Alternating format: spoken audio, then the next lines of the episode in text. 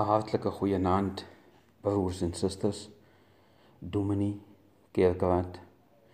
Ek wil net van hierdie geleentheid gebruik maak om week 4 en in besonder Burkiet Alexander baie dankie te sê vir die geleentheid om vanaand die woord te kan bring. Ek hoop dat die woord wat vanaand uit sal gaan sal plek vind in die hart en dat dit daarvolgens sal lewe. Broers en susters, nogmaals baie welkom in vanaand se diens. En uh, u kan maar net agteroor sit en dit saam met ons geniet. Kom ons bid dan net saam. Soos die oor van die diensknegt gerig is op die hand van sy meester. En soos die oor van die diensmaagd gerig is op die hand van haar meesteres. So is ons oor dan vanaand op u Here om vir ons stil te kan kom maak met God. Ja Here, so is ons oor vanaand op U om vir ons ontvanklik te kan kom maak vir die woord. En Here, die gebed van ons harte is dat U vanaand van sitplek tot sitplek sal gaan, Here, 'n wyle spandeer by een elkeen van ons. Ja Here, om te kom luister na ons hartsbegeertes met God.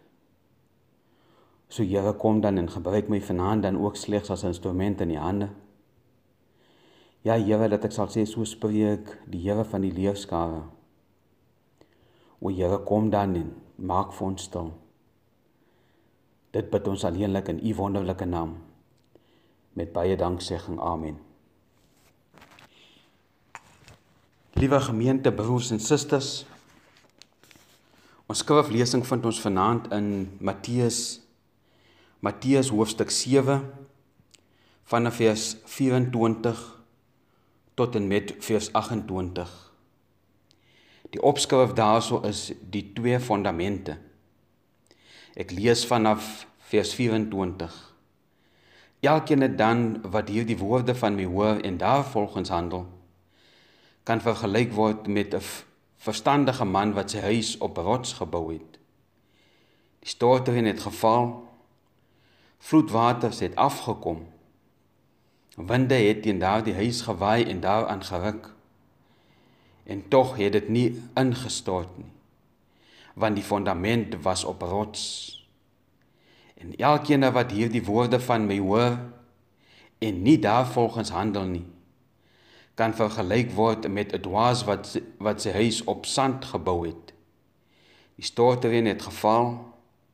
Vloedwaters het afgekom Winde het teen daardie huis gewaai en daaraan geruk en die huis het ingestort en is heeltemal verwoes. Toe Jesus klaar gepraat het, was die skare verbaas oor sy onderrig. Want hy het hulle geleer soos 'n man met gesag en nie soos hulle skrifgeleerdes nie. Tot sover ons geleesde gedeelte geliefdes. Ek wil na na aanleiding van ons geleesde gedeelte wil ek vanaand net 'n gedeelte of twee met u deel. Ek wil u nie vanaand ophou nie geliefdes. Maar na aanleiding van ons geleesde gedeelte wil ek net 'n gedagte of twee met u deel. U weet hierdie is 'n baie bekende gedeelte. 'n Gedeelte wat ons al op Sondagskool vlak op kinderbond vlak al geleef het. Maar jy weet die Bybel die Bybel is 'n wonderlike boek.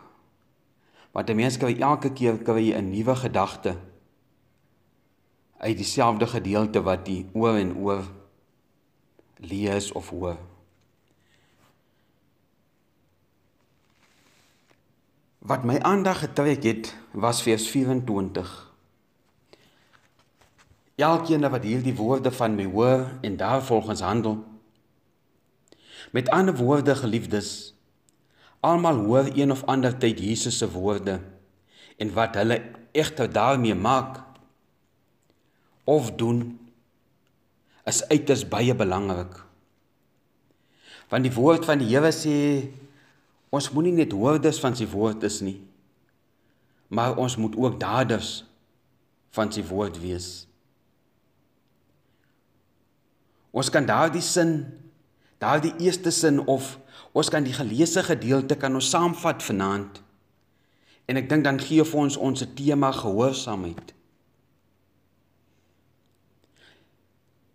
Want ons lees van 'n man wat gehoorsaam was aan God. En wat het met hom gebeur? As ons gehoorsaam aan die woord van God is, dan sal ons die ewige lewe beerwe. Dan sal ons huisie staande bly teen die wind, teen die reën, teen die storms, teen alles wat ons lewe tuister. As ons getrou bly aan God se woord, dan sal hy ons deur ons storms lei. Hy sal ons deur ons moeilikhede lei. Ja, ons weet mos God is ons leidsman.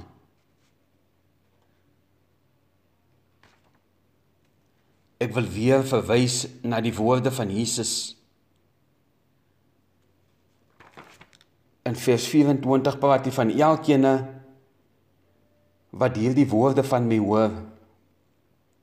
Dan wonder 'n mens soms watter woorde van praat Jesus.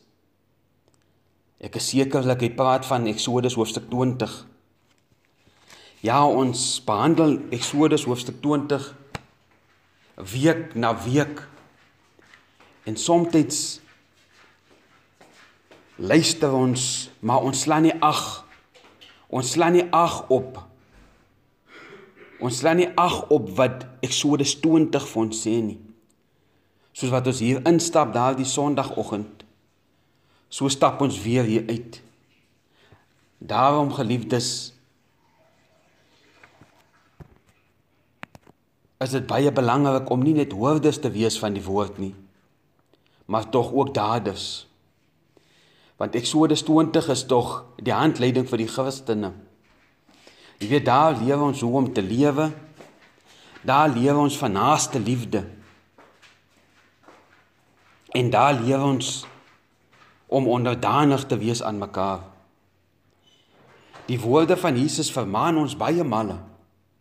Ja, maar Jesus gee ook opdragte aan ons. So het Jesus 'n opdrag aan Moses gegee om sy volk uit Egipte te lei. Ja, Moses het eers geweier.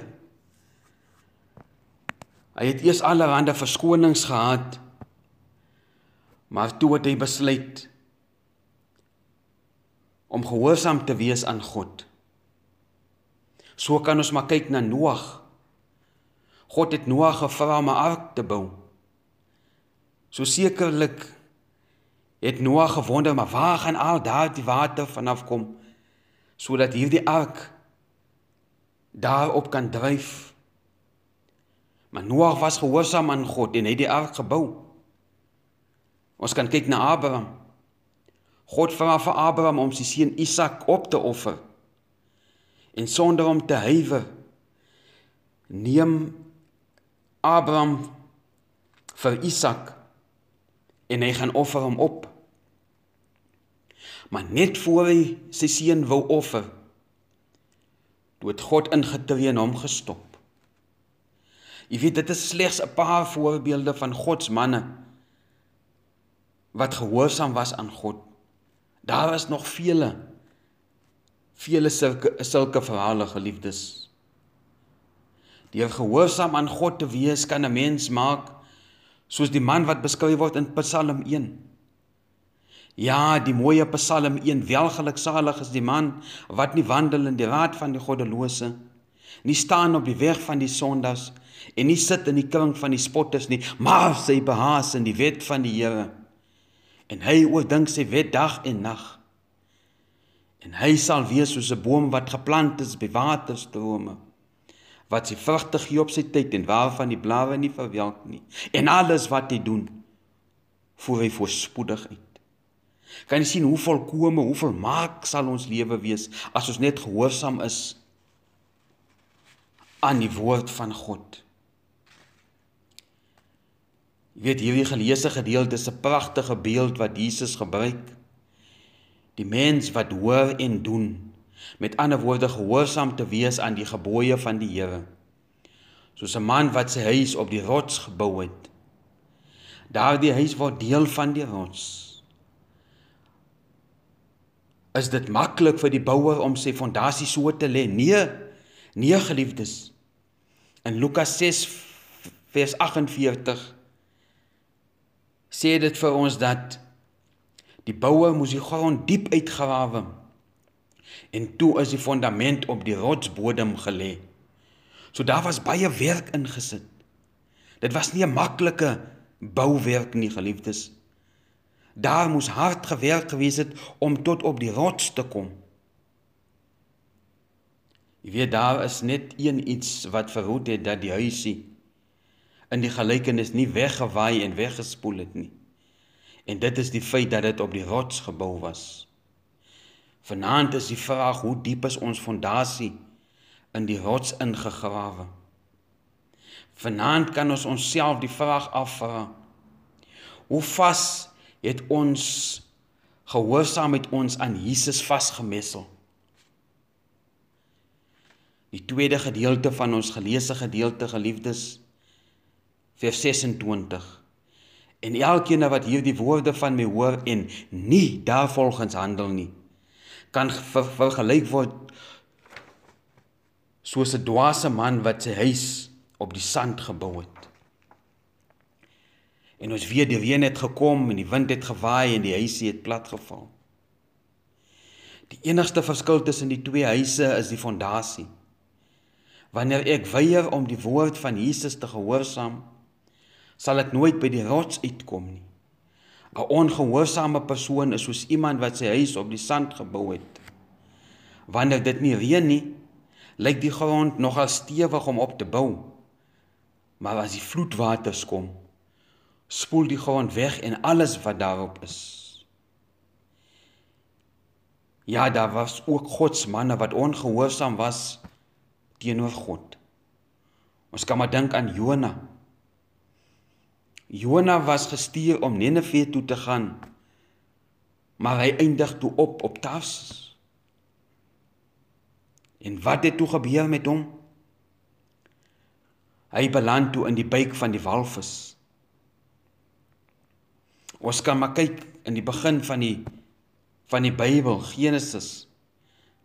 Daar wat Adam en Eva ongehoorsaam was aan God. God het vir hulle beveel om nie te eet van die boom wat in die middel van die tuin staan nie. Maar nee, hulle was ongehoorsaam. En kyk waar het hulle opgeëindig. Geliefdes, ek wil afsluit. En ek wil afsluit net met een vers in Jakobus Jakobus hoofstuk 1 vers 22. Julle moet doen wat die woord sê en dit nie net aanhoor nie. Anders bedrieg julle julleself. Amen. Kom ons bid net saam. Onse Vader wat in die hemel is, ons Vader van Abraham, van Isak en van Jakob. Here baie dankie vir so 'n wonderlike dag. Ja Here baie dankie dat ons weer eens ver oggend ons oë kon oopmaak, Here. En baie dankie dat Here dat U ons deur die dag gelei het, my God. Ja Here, as die son so wegsak, Here, en die donkerte is besig om in te tree, dan kan ons maar net dankie sê Here vir U wat vir ons gespaar het vir nog 'n dag my God. Ja Here baie dankie vir 'n geleentheid soos vanaand wat ons weer eens onder die geklank van die woord kan kom sit. Baie dankie Here vir die geleesde gedeelte. En baie dankie Here dat U vanaand vir ons verseker dat wanneer ons gehoorsaam is, wanneer ons lewe soos wat U wil hê ons moet lewe, Here dan sal ons hy sien die storms kan weerstaan. Ja Here dan sal ons geloof bestand bly Here. Ja Here dan sal ons die probleme wat om, op ons pad kom Here kan ons die hoof bied my God. Maar Here vanaand wil ek ook baie dankie sê vir een en elkeen wat opgekom het my God. Maar Here ons dink aan hulle wat nie vanaand kon opkom nie, Here, weens omstandighede. Maar wil U dan nou Here wanneer ons skei van mekaar, wil U nie van ons skei nie. Maar kom bind vir ons met hy band van liefde, Here. En as dit U wil is dat ons volgende week weer eens by mekaar sal kom. Here, die dinge kom bid ek alleenlik in U wonderlike naam met baie danksegging. Amen.